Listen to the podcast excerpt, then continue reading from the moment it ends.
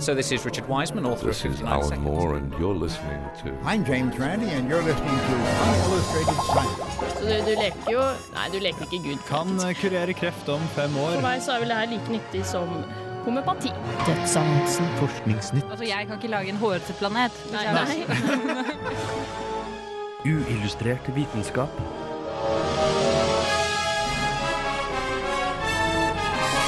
Science, works. Skepsiskonferansen, kritisk masse, fant sted forrige helg. Og til stede var selvfølgelig uillustrert vitenskap. Der møtte vi en nokså eksentrisk brite som har et og annet å fortelle om det overnaturlige og hvorfor vi ser det som ikke er der. Hold frekvensen den kommende timen, og du vil også få høre om skumle, konspirerende forskere av den typen vi ikke liker, samt de beste foliehatt-tipsene.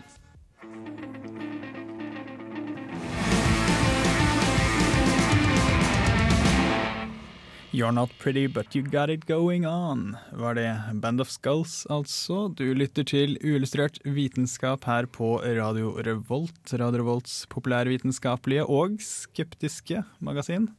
Ja. Ja, Mitt navn er eh, Ole Eivind Sigrud, jeg er programleder i dag. Og med meg har jeg som vanlig Jeanette Bø Hallo.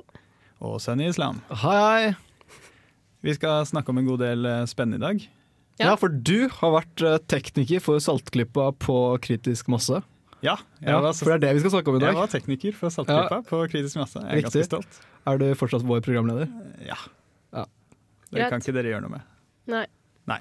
Men uh, Saklypa, uh, våre gode venner, uh, den skeptiske podkasten, de, eh, de hadde en uh, live-podkast fra Kritisk masse. Den eh, anbefales og kan lastes ned. De har også gjort en eh, del intervjuer der, eh, mener jeg. Og, eh, Det sitter men- to mugne stykker på andre siden av pulten her, ser du det, Ole Eivind? Ja, Du reklamerer for konkurrenten vår. Ok, jeg skal slutte å snakke om, om Saltklypa. Men ikke kritisk masse. Der møtte jeg som sagt en eksentrisk brite, altså Richard Wiseman. Vår alles favoritt-psykologiprofessor. Han har eh, skrevet en bok som heter Paranormality. Eh, den ble nå lansert på norsk under navnet Paranormalitet. Hvorfor vi ser det som ikke er der. Jeg har eh, snakket med ham om det, og vi skal høre det intervjuet nå snart. Men, men vi må jo nevne, dere har jo også gjort en del og tatt med nå til sending. Ja, ikke så mye. Men det, har jo, eh, det her er jo egentlig en av de første gangene vi, eh, vi kommer til å ha om eh, en skandale, rett og slett. Ja. Det er, det er, litt sånn eh, nyhet innen forskning hvis du vrir litt på det. Men det er altså skandalenyheter. Det er en konspirasjon som vi, vi på en måte vi kritiserer. Ja. Det er ikke ofte. Nei. Og med det så setter vi i gang Big Crit med Boogie Miles.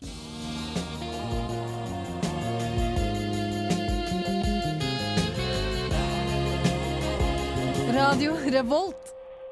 Den store internasjonale foredragsholderen ved kritisk masse var Richard Wiseman. Professor i The Public Understanding of Psychology ved Universitetet i Hertfordshire. and also author of Paranormality. Ja, for han var også i Norge for å lansere den norske oversettelsen av boken. Paranormalitet. Well, it's, it's an attempt to tell the other side of the story when it comes to the paranormal. So, if people were interested in uh, paranormal phenomena, they'd go to a bookstore or they'd turn on the TV, and there's loads of stuff telling them that it's all genuine, that ghosts exist and psychics are psychic and so on. And we know that there's a lot of um, literature out there in the scientific journals and psychology journals that tell you about belief and, and how your brain trips you up when it comes to, to these sorts of things. And what I wanted to do was, was move that literature uh, from the scientific domain into the public domain. So at least you've got some semblance of the, the other side being told.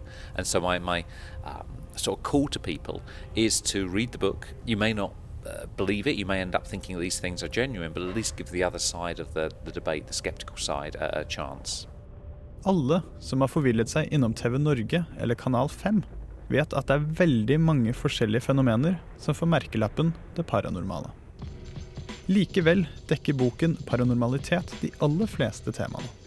Well, it, it, it bounces around all the topics which are so dear to skeptics' hearts. So, uh, ghosts are in there, um, psychic readings, which has proved to be the most controversial chapter, where I sort of give away the tricks of the, the psychic trade. The out of body experiences as there, uh, dream precognition. So, I, I basically went down the most common psychic experiences and, and then tried to unpack each of them.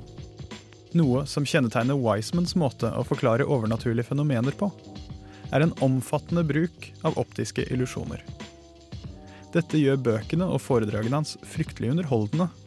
Men hva har egentlig optiske illusjoner med det overnaturlige å gjøre? I, I use them in the talk, A, because I just think they're great. I'm a fan of optical illusions. But B, when you say to people, look, going to see a psychic, they appear to know all about you, that's an illusion. That's a really weird concept. They go, I don't sort of get what you mean. And so if you show the perceptual illusions, first of all, and that you think these two lines are the same length, but one's longer than the other, they go, okay, I get it. That reality is, is, is different to my perception. And then it's a very short bridge to, and that's the same with the ghost. And that's the same with dream, uh, dream precognition. That you think one thing's going on, but, but actually something else is. You need the science in order to find out what's actually going on in your life, or in the case of optical illusion, going on on the screen. So I find it's a helpful bridge, a helpful analogy, if you like. I likhet med hans tidligere bøker beskriver han i Paranormalitet en rekke av sine egne eksperimenter. Alle ganske kuriøse, og ofte latterlige. Hvorfor vier en anerkjent psykologiprofessor all energien sin på slike tilsynelatende useriøse temaer? Well, I think what binds them all together is relevance. I, I, think they're relevant to people's lives, and and so if it's a dog that appears to be psychic, or you know, what's the best thing to put into your wallet to get it returned if you lose it? They're all things that I find curious, and that um, people go, "Oh, that's that's interesting. What's the, what's the answer?" And that sets it apart from a lot of psychology, which is really dull. Uh, one of the things that breaks my heart is you see all these sort of undergraduates go into um, psychology, all very enthusiastic and, and, excited. And then a year later, they, they have almost been brainwashed into thinking that the only thing that's interesting is some bizarre memory model that was first proposed in 1976 that doesn't make any difference to anyone's life at all. So uh, I, I, just think for me, it's about being relevant to, to, people's lives. It's about getting psychology out from the, laboratories and out from academia in, into the real world. Ja, Der hørte du mitt intervju med Richard Wiseman, og hvis eh, du som meg syns det var litt synd at han sluttet å snakke nå, så fortvil ikke, det kommer mer. Men uh, først så vil jo jeg understreke igjen det der, at han trekker frem alle disse illusjonene uh, når han snakker om det overnaturlige, er et utrolig lurt uh, pedagogisk triks. fordi det er jo akkurat det som skjer ja. for folk som tror på det overnaturlige. De ser noe som ikke er der, akkurat som med en illusjon. Vi har jo vært innom ganske mange eksempler gjennom årene, men bl.a. pareidolia. Altså at du ja, rett og slett ser ting som ikke er der. Du ser noen kvister i noe treverk, og så ser du plutselig et ansikt. Eller du ser eh, Maria på en piece of toast. Jeg så Jesus i kaffen min, men det viste seg at det bare var baristaen som hadde laga den. ja, eh, bra. Eh, du har også eh, eh, det vi har hatt om før, bekreftelsesbiasen. Den hvor du, du, ser ting du forventer at du skal se.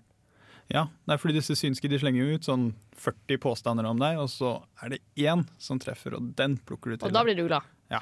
Sånn som vi så på Lise Williams. Ja. Alle ble glad da man traff den ene gang. Ja, og Da er det det at de ikke ser det som er der, fordi de ser ikke alle disse, eller de hører ikke alle disse andre påstandene. Eller husker dem i hvert fall ikke. Mm. Hvorfor er folk så innmari dumme? Må de være dumme hele tida? Nei, Det er det som er fascinerende. da, Det er jo at hjernene våre er lagd for sånn å være dumme? Ja, egentlig. Eh, de er jo egentlig lagd for å fungere veldig godt, og i dagliglivet så, så, funker dette veldig bra. Vi må kunne legge merke til mønsteret som er der. Det er veldig viktig. Hvis man ikke skjønner at kommende løve det er et uh, farlig mønster, så løper man ikke vekk, og så blir man spist av den løven. Uh, problemet er at hjernene våre har blitt så gode til å se mønstre at vi ikke ser, nei, at vi ser mønstre som da ikke er der. Og da blir det overtro. Så så er jo han Wiseman en utrolig god formidler. Eh, og det hjelper jo på, men jeg må si at noe av grunnen til at eh, virkelig virkelig er fan av eh, denne mannen, her, er jo at han driver så utrolig mye morsom, merkverdig forskning. Så at han hadde studert på hvilken vits som var den aller morsomste. Men den aller morsomste vitsen var jo ikke morsom i det hele tatt. Nei, eh, og det er jo egentlig ganske fascinerende i seg selv. De forventet jo å finne en kjempemorsom vits, eh, men så endte opp med en sånn helt middelmådig en. Og Grunnen til det er jo at de virkelig virkelig morsomme vitsene eh, de er kun virkelig morsomme for en liten gjeng folk. F.eks. realfagvitser kan slå ah, godt an i dette studioet her. Men hvis jeg forteller dem til bestemor, så så får jeg ikke noen reaksjon, akkurat som en, eh, en edelgass. Eh, og, eh, og det var jo samme de fant på alle typer vitser. Fotballvitser, litteraturvitser osv. De er kjempemorsomme, men kun for en liten gruppe folk. Og akkurat som da popmusikk, den vitsen som er morsomst totalt sett, er egentlig ikke noe morsom. Så og vi legger jo veldig merke til dette her hver uke, fordi vi, vi leser jo fryktelig uh, mange forskningsartikler. Riktig. riktig. Vi er jo, vi er, jeg, jeg må si jeg syns vi er noen flinke formidlere selv, altså. For dere skulle bare visst hvor tørre, hvor tørre noen av artiklene vi er igjennom eh, kan virke for mange, altså. Ja, nei, fordi vi, vi er jo folk som synes forskning er kjempespennende. Vi digger dette her. Eh, men likevel, når vi skal gjøre research for eh, disse reportasjene våre om forskjellige forskningsnyheter og sånne ting, det materialet vi leser for å lage den reportasjen, er ofte kjempetørt. Men hvis du leser sånn originalforskningen til Wiseman og et par andre sånne artige forskere, så er det jo faktisk morsomt. Eh, Så, så det etter, etterlengter jeg, altså. At eh, flere forskere bør gjøre som ham. Men han er da altså kommet ut med en norsk oversettelse av Paranormality. Den heter Paranormalitet, utgitt på Humanist Forlag. Eh, Det er en bok jeg absolutt vil anbefale. Den er på ingen måte en tørr populærvitenskapelig bok. Kjempespennende, masse gode historier. Vi skal høre mer fra Richard Wiseman om tankekontroll, men før det så skal vi passende nok høre 'Puppet on a String' av Night Beats.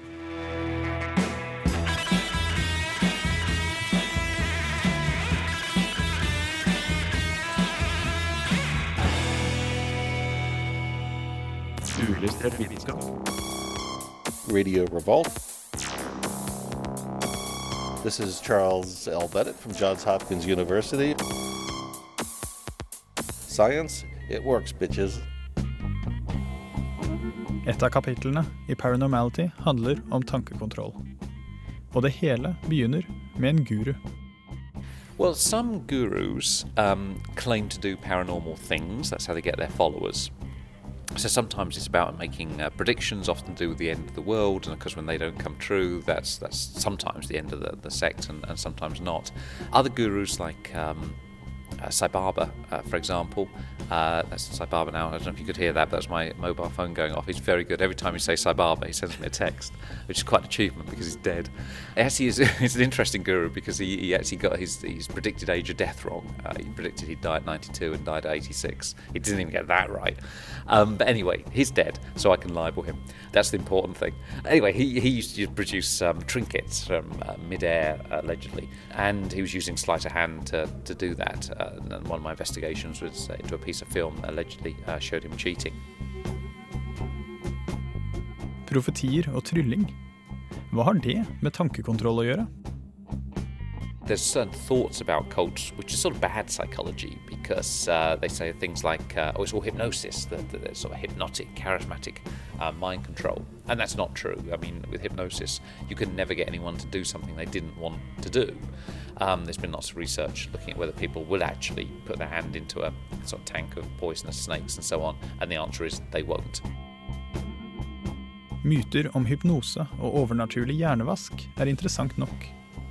Men det som virkelig er skremmende, er alle de dokumenterte og virkelige teknikkene slike sekter kan bruke for å få medlemmer til å gjøre ting de ellers aldri ville gått med på. Well, there's, there's all sorts of, of ways, but in, in terms of just one interesting and, and counterintuitive um, topic in terms of psychology, uh, is what's called self justification. And this is the notion that often we're looking at our own behavior and seeking to justify it. So, the most obvious uh, example is that you force your face into a smile, you see yourself smiling, and then you think, I must feel happy. And, and so, if you force someone to smile, they feel happy.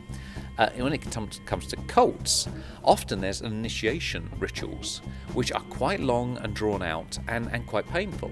So, you know, it might involve going all around the, the streets, for example, trying to get other people to join uh, your cult, um, or giving away all of your possessions, or even being beaten or beating others.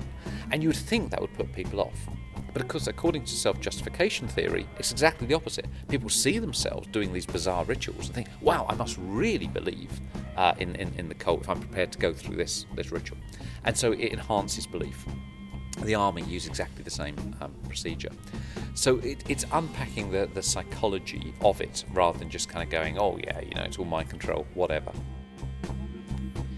Ja, nei, det, forklaringene om hvordan man får folk til å gjøre det de egentlig ikke har lyst til å gjøre, er eh, for meg et veldig godt eksempel på eh, hvordan de virkelige forklaringene er utrolig mye mer spennende enn de overnaturlige. Eh, Fordi alle kan jo da komme opp med overnaturlige forklaringer som ja, nei, de må drive med hypnose eller et eller annet sånt noe. Men når man faktisk får forklart alle disse teknikkene, og det står jo enda flere i, eh, i Paranormalitet-boken, eh, så, så blir det ganske fascinerende at man kan påvirke folk så lett. Et godt eksempel, som i hvert fall en her i studio har vært innom, er jo to til og med. Er jo linjeforeninger. De gjør jo akkurat det samme. De, de har sånn grusomt kjipe opptaksritualer, og som da fører til at folk blir lenger i organisasjonen. Bada naken i Nidelva, og så bada jeg nesten naken i søppel. Jeg fikk sånn fiskeslo på meg. Det var ålreit. Måtte spise fiskeslo.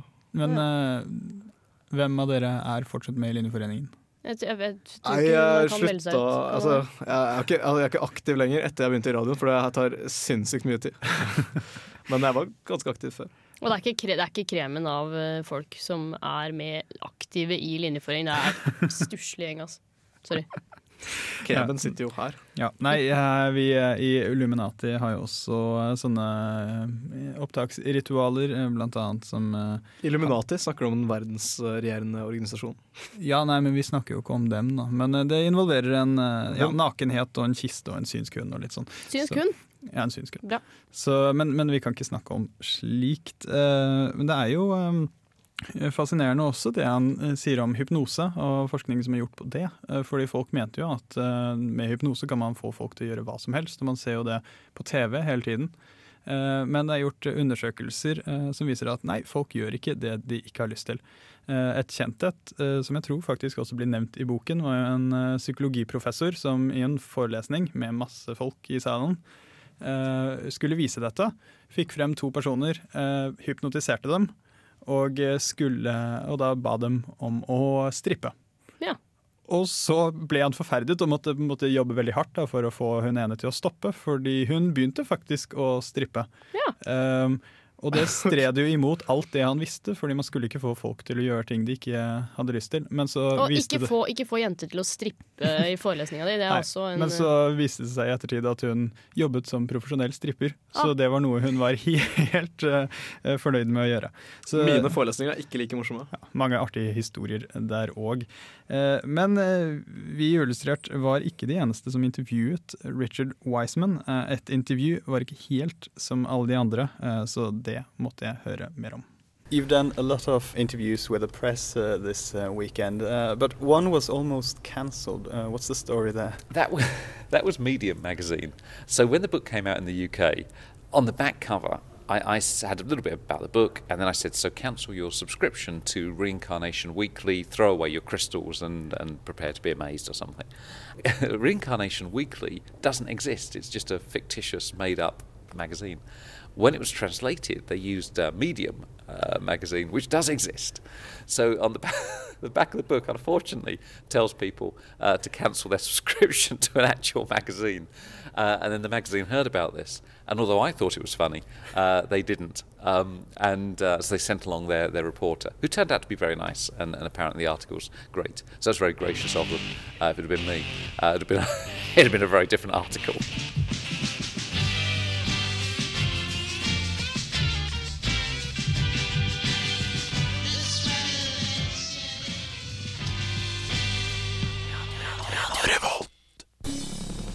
Bølger omgir oss i fleng.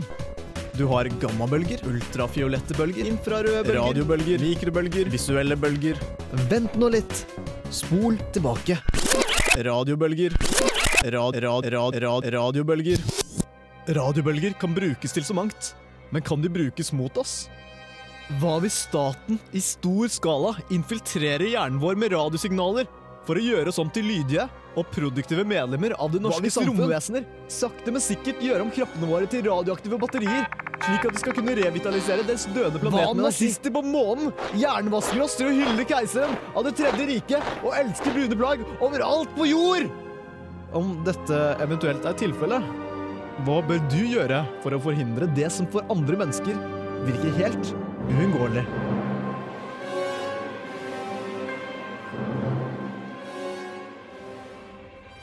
En hatt laget av aluminiumsfolie, eller en tinfoil-hat, kan være løsningen. Om du lukker et objekt i en elektrisk ledende overflate, får du et såkalt Faraday-bur. Siden overflaten er ledende, vil det på denne oppstå potensialforskjeller. Noe som fører til at elektriske felt utenfor buret ikke kan eksistere inni det. Men kan vi ta det her for god laks? Dette har noen studenter ved University of Berkeley undersøkt. De monterte radiomottakere på fire forskjellige steder på kraniet til en testperson. Og sendte ut radiofrekvenser fra en sender over testpersonen.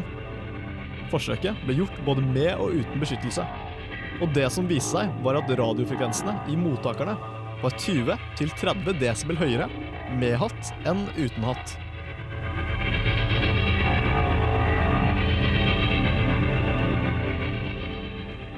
Foliehatt er eh, teit, altså. Kanskje teit, men det ser helt eksepsjonelt ut. Riktig. Jeg så bilde av en katt med foliehatt. Okay. Ja, han, Det er eh, litt søtt. ja, han tar imot radiosignaler bedre enn andre katter. i hvert fall. Ja. Eh, Men hvorfor tror folk at eh, aluminiumsfolie vil beskytte dem? Uh, mest sannsynlig fordi at de er kjempe, kjempe, kjempedumme. Men uh, selve ideen da, har opphav i en bok som heter The Tissue Culture King fra 1927 av Julian Hexley. Hvor eh, da hovedpersonen eh, han tar på seg en som metalldings på hodet. Og da får han ikke inn sånne onde hjernesignaler i hodet. Og da har de bare tatt dette fra noe helt fiksjonelt og tenkt at ja, det her er smart å gjøre. Men uh, altså Faraday-bur, det, det funker jo uh, som bare det. Så hvorfor Ja, ja. funker ikke foliehatt? Nei, ok. Uh, tingen med Faraday-bur, jeg vet ikke om det kom godt nok fram i saken, det er jo at den er helt omsluttet av aluminiums, ikke aluminiumsfolie, men av en elektrisk ledende overflate. Men en eh, slik en tinfoil hat, den vil jo ha en åpning som da er hvor hodet ditt sitter. Og da fungerer den tydeligvis som en parabol istedenfor. Den samler alle radiosignalene istedenfor å gjøre det den faktisk skal gjøre, og stoppe dem. Så hvis du har lyst til å stoppe regjeringa eller Illuminati eller hvem nå enn det er som har tenkt å kontrollere deg med radiofrekvenser, så må du dekke hele deg selv i aluminiumsfolie. Ja, Men ikke bekymre deg for eh, Illuminati, da de er hyggelige folk. Eh, neste uke så blir det mer snakk om eh, både mobil, wifi-stråling og eloverfølsomhet. Fordi på Kritisk masse så fikk jeg intervjue Gunhild Oftedal, som er ekspert på slik. Men sendingen er på ingen måte over, selv om jeg snakker om hva som kommer neste uke. Det blir Forskningsnytt, men først Flatbush Zombies. Yeah, uh, yeah, uh. Today I purchased a Calvin. and I ain't even-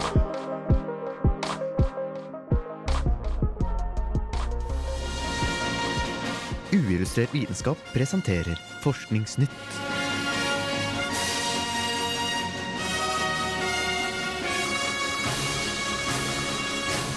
Forskningsnytt.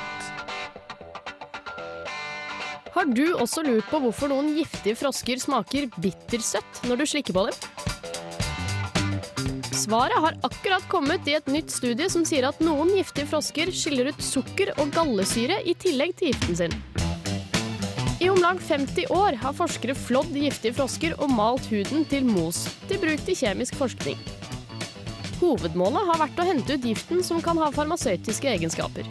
Nå har herpetolog Valerie Clark og faren hennes, som for øvrig er elektroingeniør, tatt i bruk elektrisk stimulering for å få tak i kjemikaliene i frosken, uten å drepe den. Først da har de klart å finne disse stoffene som er årsak til den bittersøte smaken, som tidligere har blitt borte i hudmosen.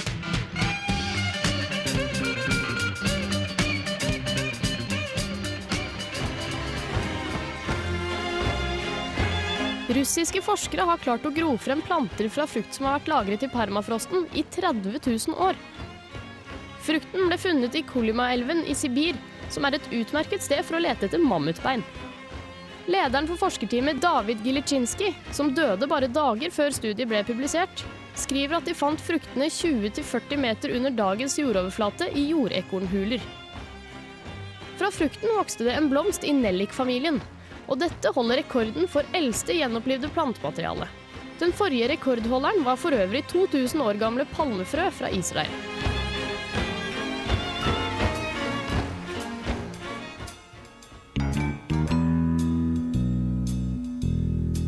Den amerikanske liberalistiske tenketanken Heartland Institute har lenge vært beskyldt for å spre desinformasjon om klimaendringer, bl.a. gjennom å betale forskere for å spre tvil om klimaforskningen.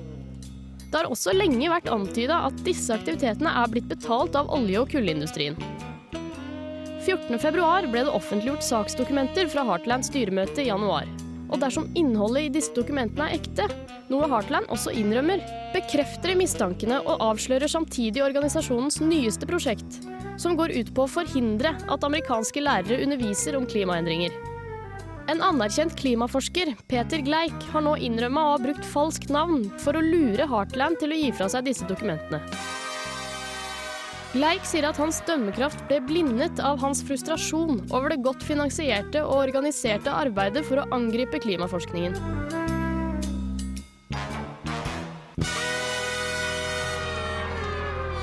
So, this is Richard Wiseman, author of 59 Seconds, and you are listening to Unillustrated Science. Enjoy. Det var jo ypperlige nyheter. Du slipper å smake på giftige frosker, eh, fordi vi nå vet hva de smaker, nemlig bitter søtt. Og vi får kanskje snart smake 30 000 år gammel frukt. Eh, dette Eller, ja. bør jo egentlig mette de som er sultne på forskningsnyheter. Eh, men så kommer Heartland Institute og ødelegger alt. Ja, eh, veldig skurkete nyheter. Ja. Derav litt sånn skurkete tema i bakgrunnen der. Eh, det er jo den godeste Peter Gleik, som er eh, anerkjent, respektert fyr, som eh, jobber med klimaendringenes effekt på, på vannforsyning og menneskeretten til vann. Da. Jobber mye med det, så han har vært en Media har brukt han som kilde tusen ganger. Nå har han da lurt til seg dokumenter fra Heartland sitt styremøte. Og der ja, For å fortelle litt om Heartland først, da. Eh, så har jeg laga en liten skurkeliste.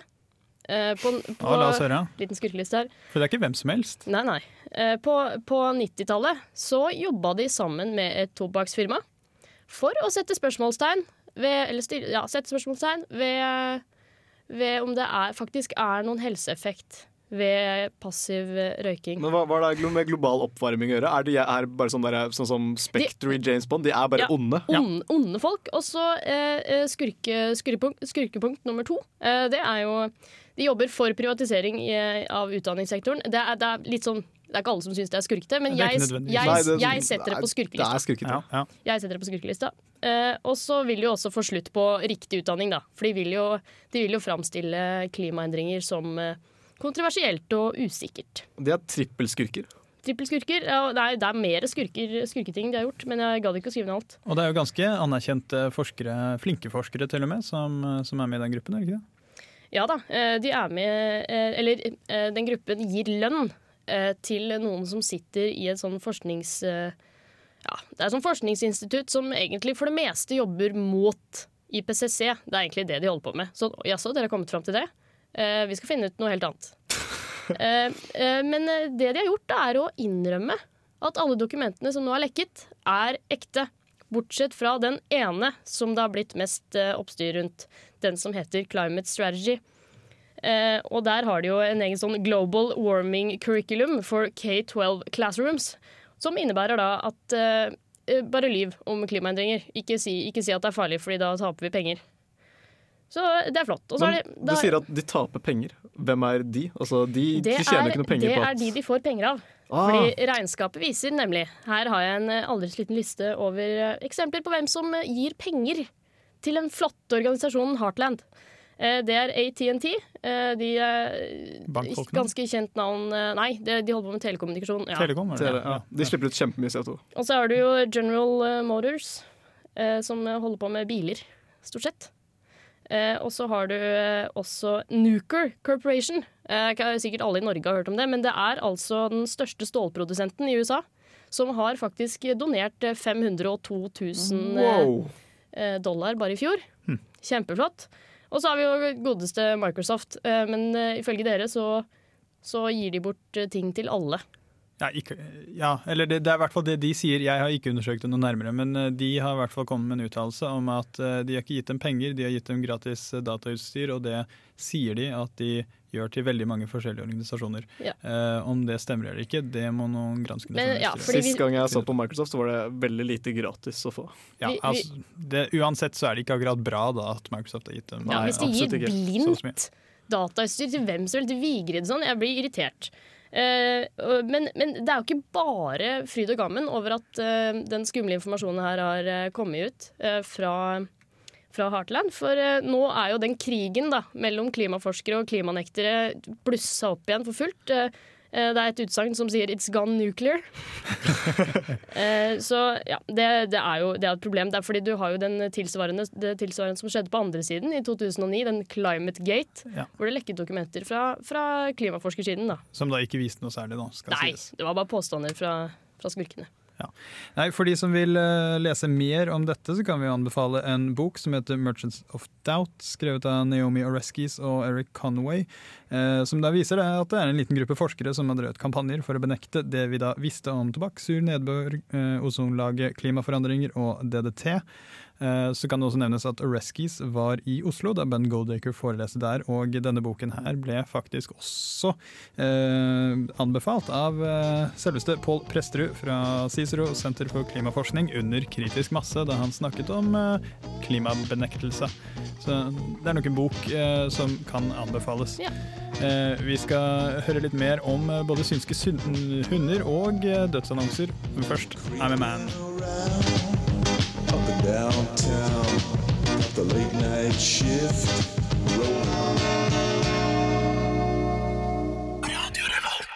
What's the weirdest experiment you've ever done? They, they've all been strange. They've all had their challenges. I think the psychic dog, um, you know, spending four days in the middle of uh, of England trying to test a dog that could allegedly tell when its owner was was coming home, and it signalled that by going to the window. There's just a weirdness uh, because the experiment involved filming the dog constantly for, for four hours at a time, and there's just part of you that, that you know, sort of two hours in, thinks, what am I doing? Well, I am filming a dog that's just sitting there looking at me uh, as if, what are you doing? And this time the dog's got a point. And then halfway through the experiment, the dog turned around and vomited on my feet. So I, I, I think that, that, that sums up my career uh, in, in many ways. And what was the result? Uh, the result was I got my shoes cleaned, uh, but the uh, the bigger result on the experiment uh, was the dog wasn't psychic. He was going to the window a lot, and the owners were just remembering the one time that corresponded um, with their, their return visit. So it was a kind of illusory correlation. Um, but it's a very cute dog, and the dog was an innocent party. I have to stress that uh, the dog was not making any claim itself, because otherwise people are very hard on that dog. They think it's a charlatan dog, and it, it wasn't. It was just a dog that just wanted to be fed.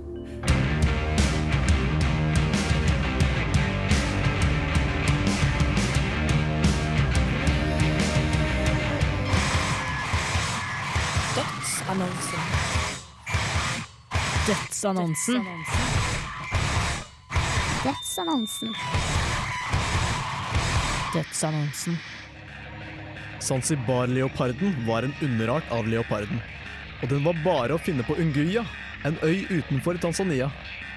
Lokalbefolkningen var overbevist om at leopardene var eid av hekser, og derfor falt det dem naturlig å jakte på dem.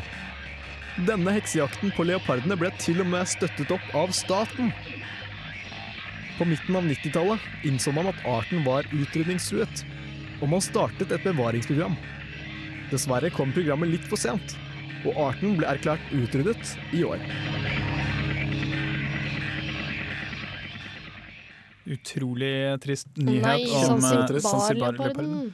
Men ja, it was bound to happen. Uh, for å si det sånn, da. eh, siste forsker som så denne leoparden i, eh, i det ville, det, han møtte leoparden i tidlig 80-tallet. Så det er ganske lenge siden. Men altså, de mente den var eid av hekser. Altså, det er en enda mer patetisk grunn for å utrydde dyr enn å bruke det Ja, til den alternativ hjelper ikke medisin. mot noe engang. Ja, nei, men Ja, bare, bare, altså, bare tenk hvor mye den hadde hjulpet heksene. Vi vil jo ikke hjelpe heksene. Har de, hatt- men har de, har de møtt på disse, disse heksene, da? Nei, Er- det, nei, så de har ikke hekser, men, men, men de eier Hadde det vært hekser, så hadde de eid en Zanzibar-leopard. Nå skal det vel også sies, sies at det er veldig utbredt i diverse afrikanske land å utpeke hekser. Og eh, det Ja, det går er det. stort sett veldig dårlig med de som blir anklaget for å være hekser. Eh, Men, men den her ble jo, er jo nå helt utryddet. Eh, Det jeg ikke skjønner, er med en gang de gikk inn og prøvde å bevare denne arten, hvorfor eh, tok de dem ikke med til en dyrehage? Nei, si det. Jeg vet ikke. Men, eh, men vet du hvem som starta kampanjen for å drepe alle leopardene? Nei. Det var Yngas aller største heksejeger ved navn Kitansi. Drittsekk. Ja. Så de har, de har rangert heksejegerne sine? Ja, han er den beste av alle. Ja, ja. Men uh, uansett, i dag så er det nesten ingen bevarte eksemplarer i det hele tatt. Det er eh, seks pelser igjen, én er utstoppet, og det er det. Ja, trist. Uh, vi får se om vi kan klone den etter hvert. Uh, I bakgrunnen hører du Mathias Stube med 'Soon a Brighter Day'.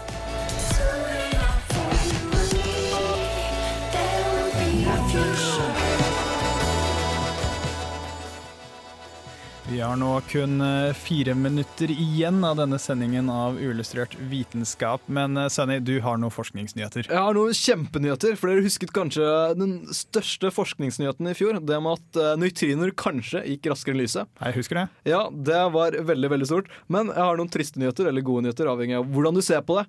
Uh, det gikk mest sannsynlig ikke raskere enn lyset, eller mest sannsynlig gikk det like fort som lyset. Tingen er at uh, en av uh, internettledningene til en av atomklokkene, jeg husker ikke om det var i Sveits eller i Italia, den satt løst.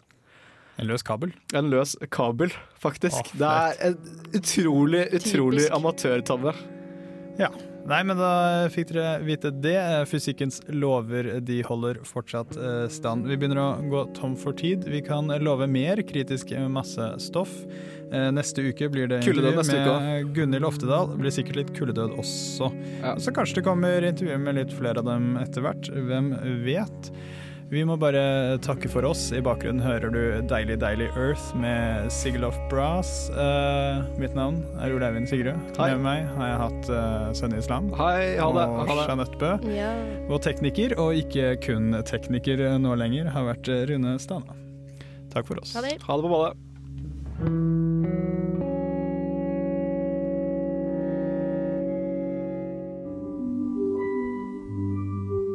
Uillustrert vitenskap er Midt-Norges eneste teknologimagasin på lokalradio. Og vi snakker om alt fra populærvitenskap til sære forskningsprosjekt ved NTNU. Radio Revolt, studentradioen i Trondheim, er stolt av å kunne presentere podkaster fra de aller mest populære programmene våre. Hvis du har lyst til å høre mer fra Radio Revolt, hvem vi er og hva slags musikk vi spiller, så kan du høre oss på FM-båndet i Trondheimsregionen, eller streame sendingene våre live på radiorevolt.no.